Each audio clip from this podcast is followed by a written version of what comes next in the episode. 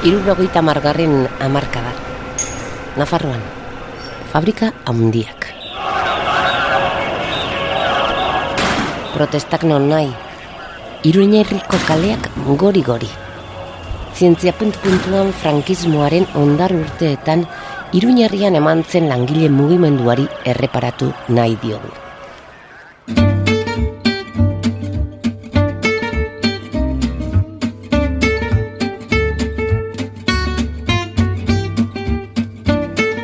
Zientzia puntu puntuan. Nafarroako Unibertsitate Publikoaren divulgazio zientifikoko podcasta. Emaio zuiaten adimenari. Orduan eman zen protesta olatu handia ezin da ulertu emakumeak aintzat hartu gabe.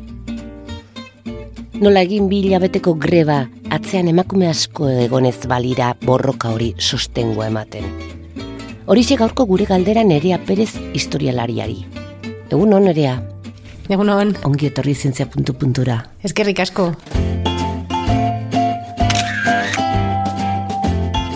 Ni Nerea Perez Ibarrola naiz, Nafarroako Unibertsitate Publikoan irakaslea. Nafarroako Oroimen Historikoaren eh, dokumentazio funtsean eh, ikerlaria eta baita ere koordinatzailea, eta historialaria eta historiazalea baita ere.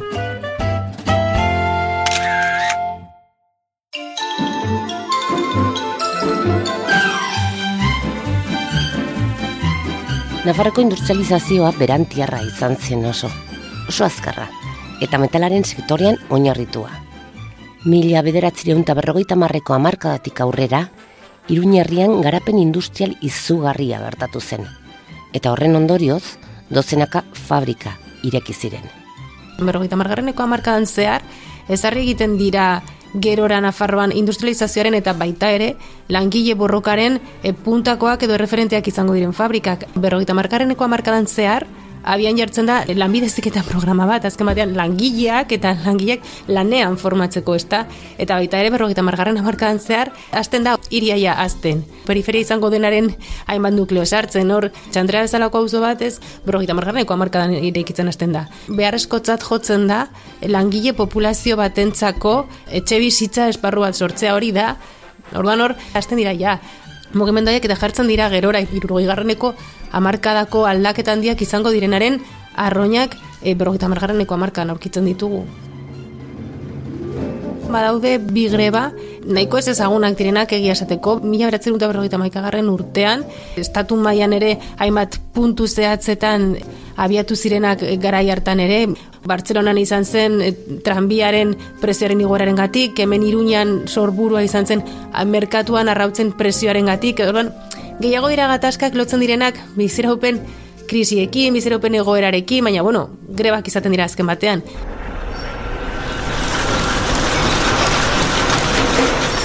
Menasa, Matesa, Industrias Esteban, Frenos Iruña, Magnetitas, ezagunak ez da, Motor Iberika, Norton, Motxoli, Pamplonika, Inkinasa.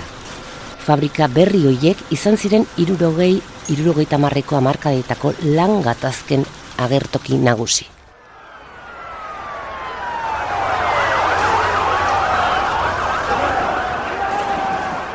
greba handiak edo handiak Nafarroan ezagunenak direnak eta memoria kolektiboan igual gehien gordetzen direnak dira mila eratzerun eta irurogeita mairuko ikainako motori berikako greba, e, mila eratzerun eta irurogeita bosteko urtarrian potaseseko mehatzarien itxialdiarekin batera ematen den greba orokorra, horiek greba orokorrak dira. Baina eski egunerokotasunean, egunero egunero edo zure hitzarmen kolektiboaren negoziazioaren baitan ematen diren gatazkak sortzen dira zure fabrikan edo beste fabrika batekin e, borrokan dauden e, langileekin edo langilei elkartasuna dirazteko lanusteak egiten dira. Orduan, kasi-kasi egunero mobilizazioak daude, egunero horrelakoak gertatzen dira.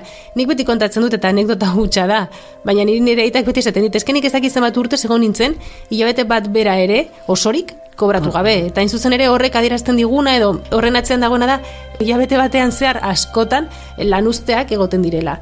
Orduan, bai, kasi-kasi egunero edo, bueno, oso maiz, ez? Irurogeita mairuko motor iberikako langileekiko elkartasun greba, edo mila bedatziun eta irurogeita malaueko abenduaren amaikako greba izugarriak izan ziren.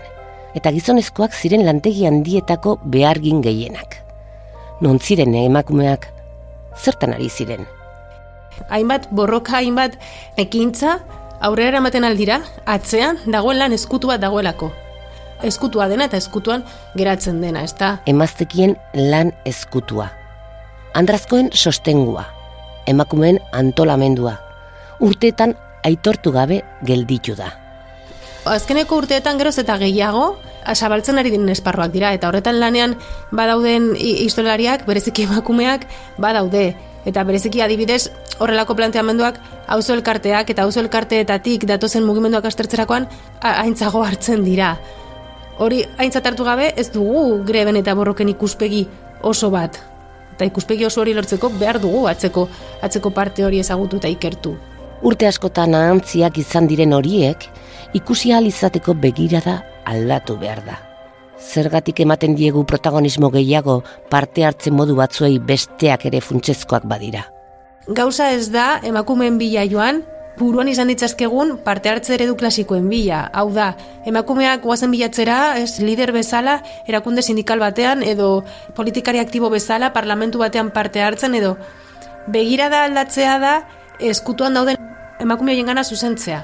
Eta euren errealitateetara eta euren ekarpenera, ez zuzentzera, eta hoiek asaleratzea. Orduan, nik ustut gehiago dela begirada. Begirada aldatu eta nik ustut aspalditik ja egiten ari den aldaketa bat dela eta prozesu hori berezikinik ezagutzen dudan, dudanaren partetik gizarte mugimenduetan parte hartze moldeak, esparruak inkluso aldatu eta zabaldu. Guazan begiratzera, berdin zait, eskolaren e, atarian dauden emakumeen artean sortzen diren elkartrukeak, ideia trukeak, esperientzia trukeak astertzera. Bertan, elkartzen diren emakumeen artean hitz egiten dena eta transmititzen dena, pues agian, hainbat ideia, hainbat jarrera sozializatzeko hausuetan ezinbesteko izan zela aurkituko dugu. Baina, begiratu behar dugu eskolaren atari horretan. Ez gara mugatu behar fabrikaren produkzio plantara. Eta horrek ez du esan nahi, importantea ez denik, fabrikaren produkzio plantara begiratzea. Noski. Baina horretaz aparte, begiratu behar dugu, do begirada beste esparru batzuetara zuzendu behar dugu. Garrantzi gehiago ematen diogu, manifestazioan atetzen den gizonari, etxean meak zaintzen edo bazkaria prestatzen dagoen emakumeari baino. Edo inkluso, lan ez ofizialak egiten dituen emakumeari. Azken batean, greba kontestu batean, e, senarrak ez baldin badu kobratzen, pos agian ni, atera behar naiz ez dakit nora, ez dakit hostera edo dena delakora, behintzat diru sarrera batzuk lortzeko edo bestelako bideak bilatu behar ditut familia mantentzeko. Nik neu mugitu behar naiz beharrezkoa dena egiten egoera hori mantentzeko. Biak, bi borrokak beharrezkoak dira borroka bat egiteko. Berrogei egunez borroka bat mantendu alizateko, horatzean dagoen guztia, eman behar da, ze bestela ez dago berrogei egunez aguantatzerik. Egia da, frankismo garaian askoi saiatu zirela emakumeak lan mundutik baztertzen baina beste realitatea da milaka izan zirela etxetik kanpo lan egiten zuten emaztekiak. Eskufinak eskatzen zituzten lanak izaten ziren. Soldata maila eskasekoak noski. Eta sektore berean ari ziren gizonezkoek baino irabazi gutxiago suposatzen zutenak. Bai, ba, ziren emakumeak gainera produkzio esparruetan lanean, eta gero bazegoen neska gazte asko bulegoetan lan egiten administrazioan lanean ari diren langileak eta zuzen ere bulegoietan neska gazte asko plan egiten zuen eta zenbait fabriketan inkluso benetako borrokalariak izatera iritsi ziren eta euren euren fabriketan edo esparruetan lantegi komisioak sortzen zituzten eta parte hartzen zuten neska gazte horiek, ez? Gauza da, emakumen egoera lan munduan berezitasunak dituela hainbat aspektutan eta batzuk amalau, amabost, amasei urterekin, lanean jartzen ziren, familiak beharrezkoa zuelako. Eta gerora jarraitzen du beren lan ibilbidea, baina kontzen zirenean lana usten zuten. Eta hor ja, ez desagertu, baina gaztetasun ere ezaugarri hori horrekin zer ikusia dauka. Askotan ere gertatzen zen berezko lamaldintzai dagokionean, emakumeentzako ikastun izatearen epealdia luzeagoa zen. Zer gertatzen da, garo, ikastun bat zarenean, zure soldata txikiagoa dela. Eta gero ja da, ba, ba, bueno, bereziki emakumen laneskua biltzen duten sektoreek ere euren arazo propioak dituzte. Hari naiz pentsatzen egun gintzan, adibidez, bertan emakumen lanesku, lanesku asko biltzen duen sektorea da, edo baita ere, adibidez, onena fabrika, ez, poltsak egitearen fabrika, eskatzen zituzten edo e, produkzio prozesuak zehetasuna eta eskatzen zuten e, prozesuetan ere emakumeak e, aurkitzen ditugu eta bere dagoetan, bueno, pues bai, bai haiek egitituzten aldarrikapenak, de, bueno, bueno, sektori horiei lotutako aldarrikapenak egiten aurkitzen ditugu. Gaur egungo egorarekin alderatu aldaitezke borroka horiek. Greba luzeak, gogorrak. Kontestua ez dauka zer ikusirik. Botasas batek biltzen zituen mila baino gehiago langile. E, menasas batek beste horren beste. Orduan, ez, ez, ez da berdina, lehen bizimodua modu batekoa zen, hori bizimodua beste batekoa da. Elkartasuna lortzeko sareak lehen modu batean funtzionatzen dute, orain agian zailtasun gehiago dituzte funtzionatzeko. Aldatu da kontestua, aldatu da nik esango nuke kapitalismoa bera, eta aldatu da langileria bera, laneskoa bera aldatu egin da, ez da, ez da berdina langileria ez da lehengo langileria. Ez inolako zentzutan ez identitate sozial eta politiko bezala, baina ez da ere ez sujetu, inkluso fisiko bezala, ez? Gaurko gunean lan egiten duen jendea, asko zere anitzagoa da. Asko zere errealitate anitzagoak bizi ditu. Eta ez da horren erraza, laniztasun hori, borroka batean bat egitea, asko zere zailagoa da. Beste, bideak eta mekanismoak bilatu dira. Horretarako dira eredugarriak. Ikusteko, edozein, edozein kontestutan, bideak egon daitezkela eta bideak sortzen ari direla agian ezagutzen ez ditugunak. Agian eskutuan daudenak edo lurrazpian daudenak, baina daudenak eta fruituak eman ditzazketenak. Eta gani ikusten dut borroka horiek hori erakusten digutela eta hori ikustarazten digutela eta eredugarriak direla esentzu horretan. Ezin dugu gaurko egunean imaginatu emotori berikako greba bat non iria edo Nafarra osoak eldirik dagoen bostegunez. Hori gaurko egunean ez da posible. Azkeneko berregoita mar urteotan langileak asko aldatu dira. Lan moldeak ere bai, lan borrokak baita. Begirada aldatuzkero, albuetan zerbait gertatzen ari dela ikusiko dugu. Arropa saltoki haundietan, zaintza lanetan ari direnen eskakizunak, beste batzuk, nekazal langileak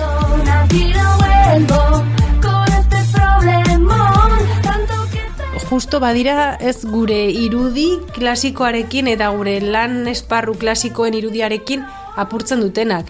Ez da fabrika batean lan egiten duen langile bat, gehien batean, gizona eta zuria.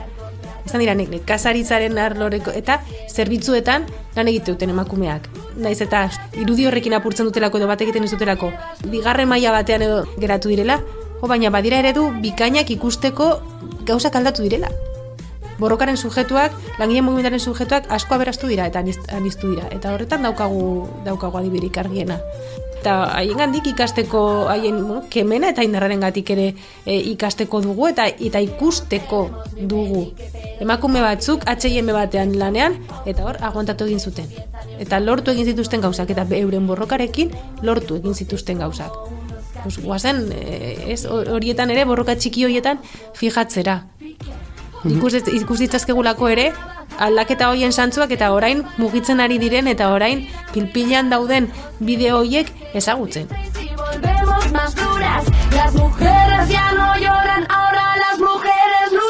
Begirada hartzetan pausatuz gero, gauza berriak ikusteko aukera izanen dugu. Nerea Perez Ibarrola eskerrik asko begirada aldatzen laguntzeagatik. Zientzia puntu-puntuan, hogeita behatzigarren atala duzu hau.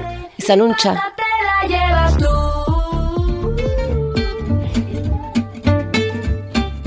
Zientzia puntu puntuan entzun duzu. Nafarroako Unibertsitate Publikoaren podcasta. Gozatu zientziaz. Laguntzaileak Nafarroko Gobernua eta Zientziarako eta Teknologiarako Espainiako Fundazioa. Zientziaren eta Berrikuntzaren Ministerioa.